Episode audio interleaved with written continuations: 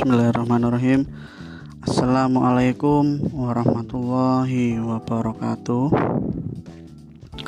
Selamat pagi anak-anakku semuanya. Eh, Semoga pada kesempatan di pagi hari ini Tetap diberikan kesehatan Tetap diberikan semangat Dan tetap eh, diberikan eh, sebuah akhlak yang mulia untuk pembelajaran pada pagi hari ini dan semoga anak-anakku sekalian bisa mencerna pembelajaran yang nantinya akan saya jelaskan pada pagi hari ini. Jangan lupa pula kalian tetap menjaga imunitas kalian. Kalian tetap menjaga protokol kesehatan karena nantinya untuk kebaikan kalian dan untuk kesehatan kalian juga.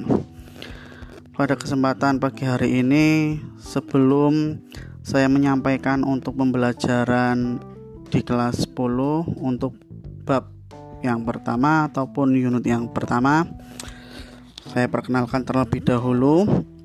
Perkenalkan untuk nama saya Pak Susilo Iswanto yang mana nantinya akan mengajar ataupun mengampu mata pelajaran PPKN terutama untuk kelas 10 jurusan TKJ untuk satu tahun ke depan ya terutama di semester 1 dan semester 2 dan sebelumnya bagi siswa-siswi yang belum mengerjakan tugas yang sudah saya sampaikan di sekolahan ID Bapak mohon sangat bisa dikerjakan dengan baik bisa dilaksanakan dengan baik agar kalian bisa mendapatkan hasil yang baik pula.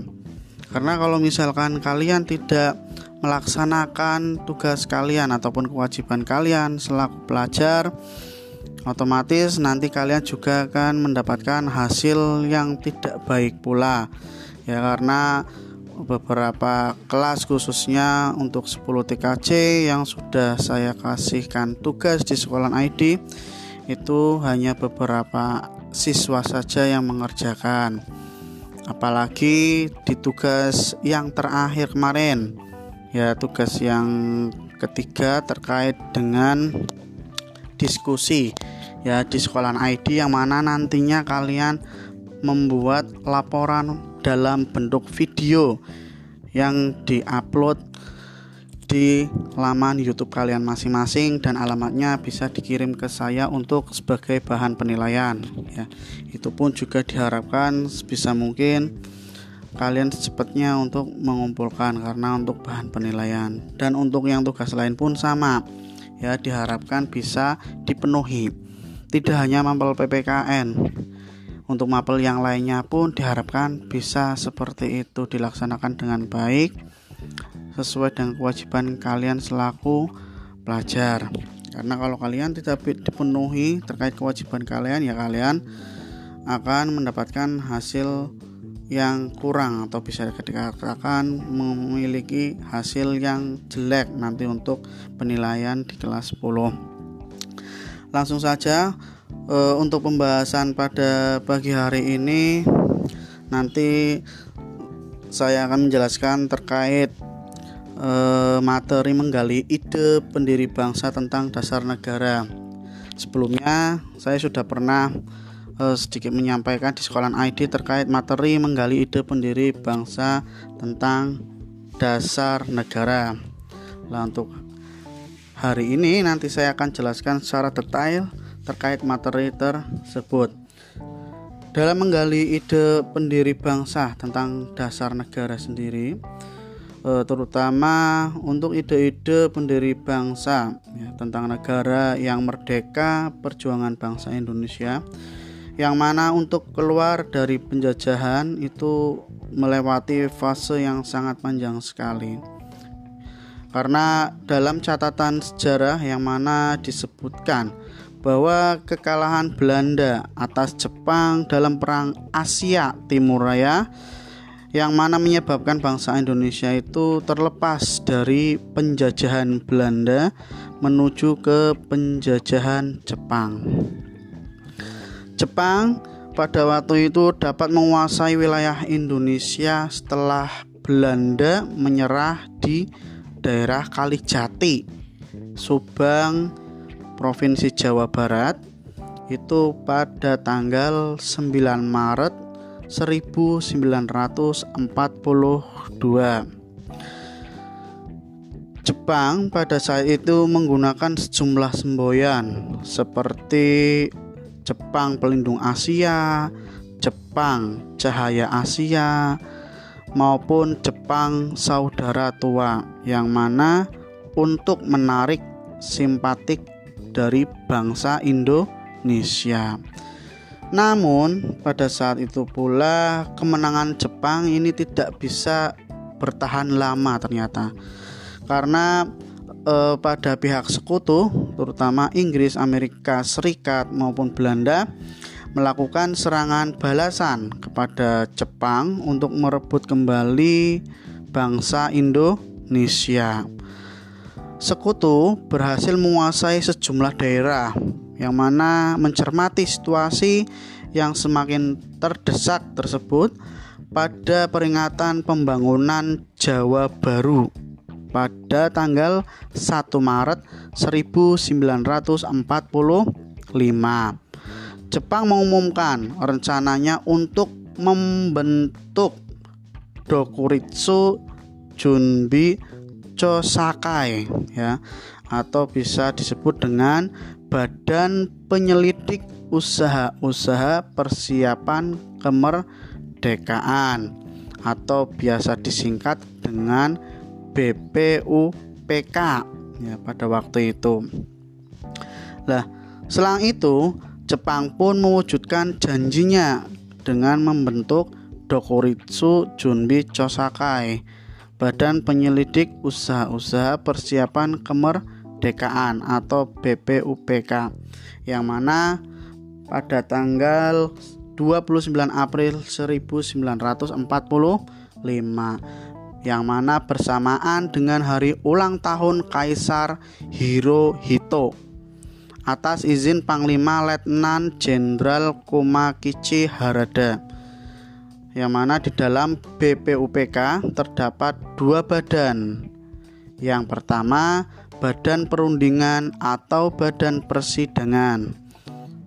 Yang kedua, kantor tata usaha atau sekretariat. Badan perundingan itu diisi oleh seorang kaicho atau biasa disebut dengan ketua. Dua orang fuku kaicho yang diartikan ketua muda atau wakil ketua dan 62 orang IIN atau anggota termasuk juga dalam BPUPK ini adalah tujuh orang Jepang yang berstatus sebagai pengurus istimewa yang bertugas mengawasi.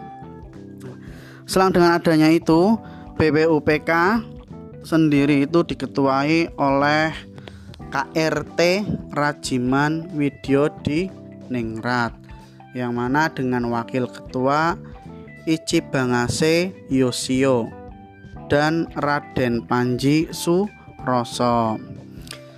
BPUPK ini melaksanakan dua kali sidang. Yang pertama pada tanggal 29 Mei sampai 1 Juni 1940 5 yang mana pada tanggal itu membahas tentang dasar negara. Terus yang kedua itu pada tanggal 10 sampai 17 Juli 1945 yang mana membahas tentang rancangan undang-undang dasar. Berdasarkan sejumlah naskah ada sejumlah tokoh yang mana turut menyampaikan pidato pada sidang pertama BPUPK pada tanggal 29 Mei sampai 1 Juni 1945.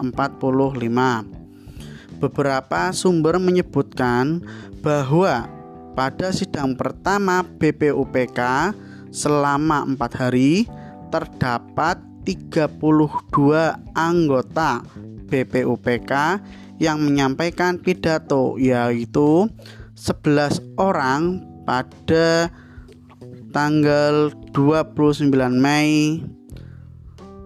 Terus 10 orang pada tanggal 30 Mei. Dan 6 orang pada 31 Mei. Serta 5 orang pada 1 Juni 1945. Dalam koleksi Pringgodikdo menyebutkan beberapa nama yang berpidato pada tanggal 29 Mei 1945 yaitu Margono. Terus Sosro Diningrat ya setelah itu Sumitro. Terus yang keempat Wiranata Kusuma. Yang kelima Wuryaningrat yang keenam Surjo. Yang ketujuh Susanto. Yang kedelapan Sudirman. Yang kesembilan Dasat. Yang kesepuluh Ruseno. Dan yang terakhir Aris. Sementara itu pada tanggal 30 Mei 1945 itu ada 9 tokoh yang mana berpidato pada sidang BPUPK yaitu yang pertama ada Muhammad Hatta yang kedua ada Haji Agus Salim. Yang ketiga ada Samsudin. Yang keempat ada Wongso Nagoro. Yang kelima ada Surahman. Yang keenam ada Suwandi. Yang ketujuh ada A Rahim. Yang kedelapan ada Sukiman dan yang kesembilan ada Sutarjo. Adapun pada sidang BPUPK itu pada tanggal 31 Mei 1945 ada 14 tokoh yang menyampaikan pidato yaitu yang pertama ada Supomo, yang kedua ada Abdul Qadir, yang ketiga ada Hendro Martono, yang keempat ada Muhammad Yamin, yang kelima ada Sanusi, yang keenam ada Liam Koen Hian, yang ketujuh ada Munandar, yang kedelapan itu ada Dahler, yang kesembilan ada Soekarno, yang sepuluh ada Ki Bagus Hadikusumo, yang ke sebelas ada Kusuma Atmaja yang ke-12 ada Oe Chong Hao yang ke-12 ada Parada Harahap dan yang ke-13 ke-13 ada Buntaran Sementara pada waktu itu pada tanggal 1 Juni anggota BPUPK yang menyampaikan pidato di antaranya Baswedan, Muzakir, Oto Iskandar Dinata dan Soekarno. Pada waktu itu pula, sekurang-kurangnya terdapat tiga pokok bahasan dalam sidang BPUPK ya, berkenaan dengan dasar negara, yaitu yang pertama, apakah Indonesia akan dijadikan sebagai negara kesatuan atau negara federal atau negara perserikatan.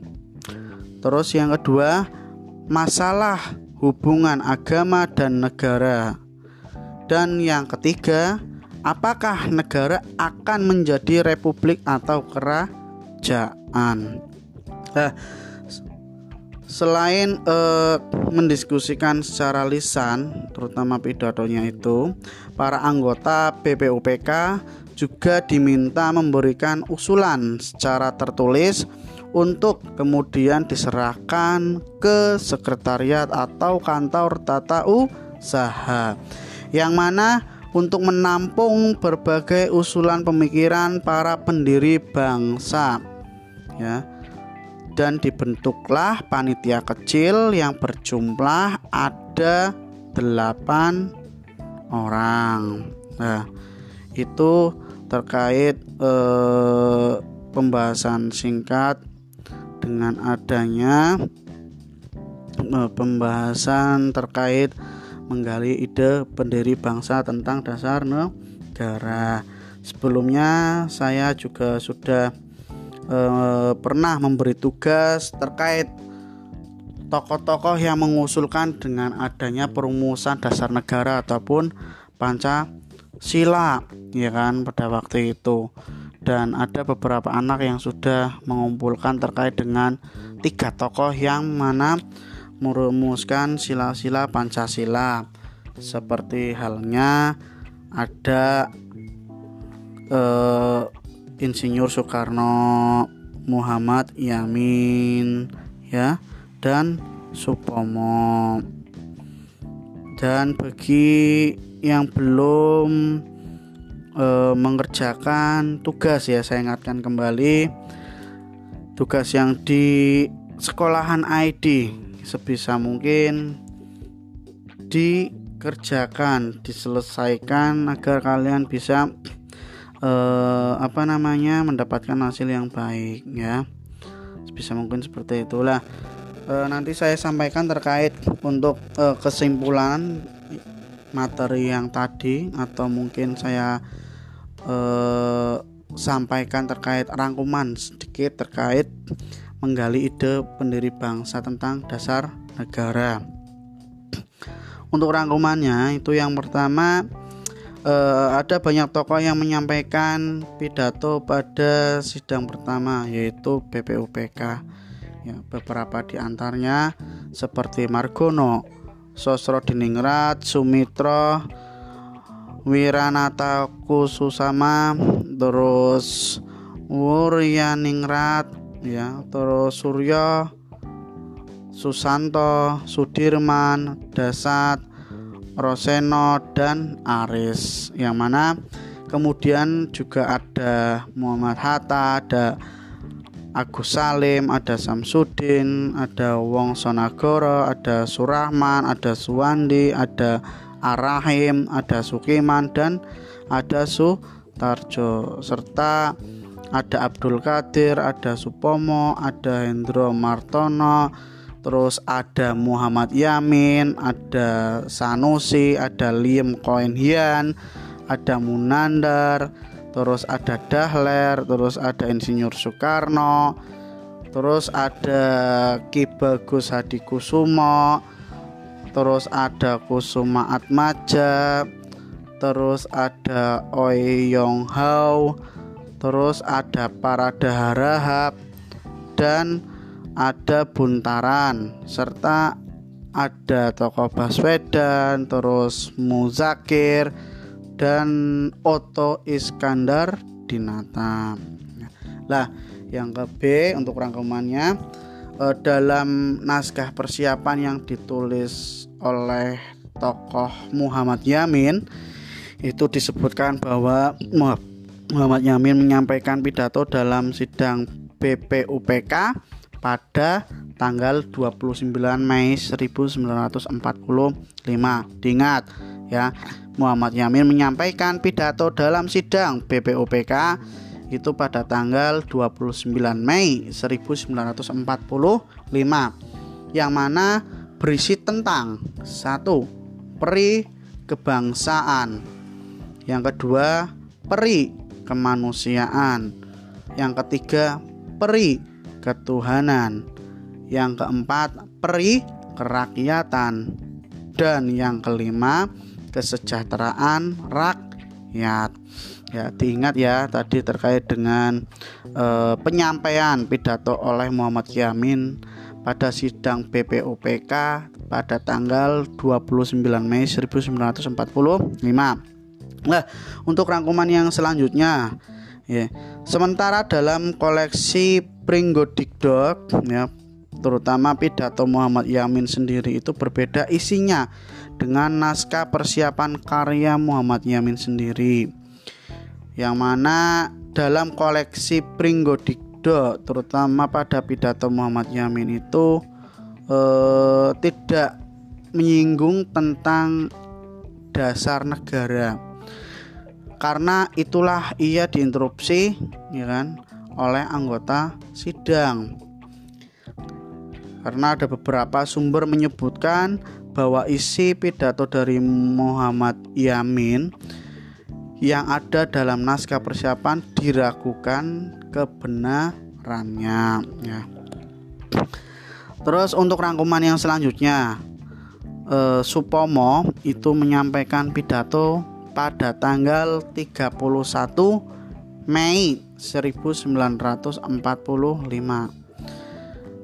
Ia ya kan atau Supomo itu berbicara mengenai struktur sosial bangsa Indonesia yang ditopang oleh semangat persatuan hidup, semangat kekeluargaan, keseimbangan lahir dan batin masyarakat, yang senantiasa bermusyawarah dengan rakyatnya demi menyelenggarakan keinsyafan keadilan rakyat. Lah, Supomo pada waktu itu juga menyebutkan mengenai aliran pikiran Indonesia nantinya yaitu negara integralistik. Nah, itu terkait dengan penyampaian pidato oleh Supomo pada tanggal 31 Mei 1945. Terus yang selanjutnya untuk e, rangkuman yang ke E itu Insinyur Soekarno ya menyampaikan pidato pada tanggal 1 Juni 1945 yang berisi lima dasar negara yang pertama, kebangsaan Indonesia. Yang kedua, peri kemanusiaan atau internasionalisme. Yang ketiga, mufakat atau demokrasi. Terus yang keempat, ada kesejahteraan sosial. Dan yang kelima, itu ke ketuhanan.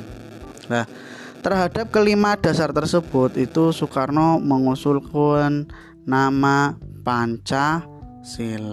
Lah, itu adalah beberapa rangkuman untuk materi menggali uh, ide pendiri bangsa tentang dasar negara atau Pancasila pada waktu itu. Sebisa mungkin apa yang tadi saya sampaikan bisa kalian resum ya di buku catatan PPKN kalian untuk bahan e, belajar kalian. Karena kalau misalkan kalian tidak ada bahan belajar, kalian nggak akan tahu untuk materinya seperti apa dan kalian pasti nggak akan bisa mendapatkan nilai yang bagus pada saat nanti ada ujian ataupun tes tertulis dan sebisa mungkin bahan ajar yang sudah saya upload di sekolahan ID bisa di-download. Di situ juga ada materi tentang yang tadi saya sampaikan. Itu juga untuk belajar kalian ya. Jangan sampai kalian lengah dalam belajar di masa pandemi ini. Harusnya kalian tetap lebih semangat ya kan dalam menghadapi pandemi ini terutama untuk belajar kalian sendiri ya. Mungkin itu yang bisa uh, Pak Susilo sampaikan. Uh, saya harapkan uh, materi yang saya tadi saya sampaikan bisa dipelajari.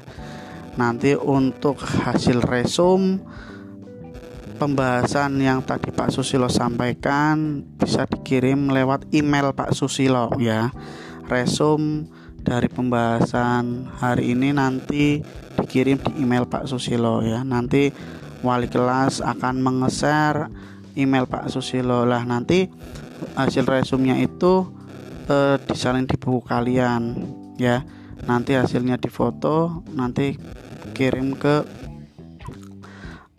email Pak Susilo. Atau mungkin kalau kalian biar lebih rapi lagi kalian bisa ngetik ya bisa ngetik di komputer atau mungkin di laptop ya kan lah nanti eh, hasilnya bisa dikirim di email Pak Susilo dalam bentuk uh, file entah itu Microsoft Word ataupun PDF ya. Mungkin itu saja yang bisa Pak Susilo sampaikan. Kurang lebihnya terima kasih. Tetap semangat. Sekian wabillahi taufiq Wassalamualaikum warahmatullahi wabarakatuh.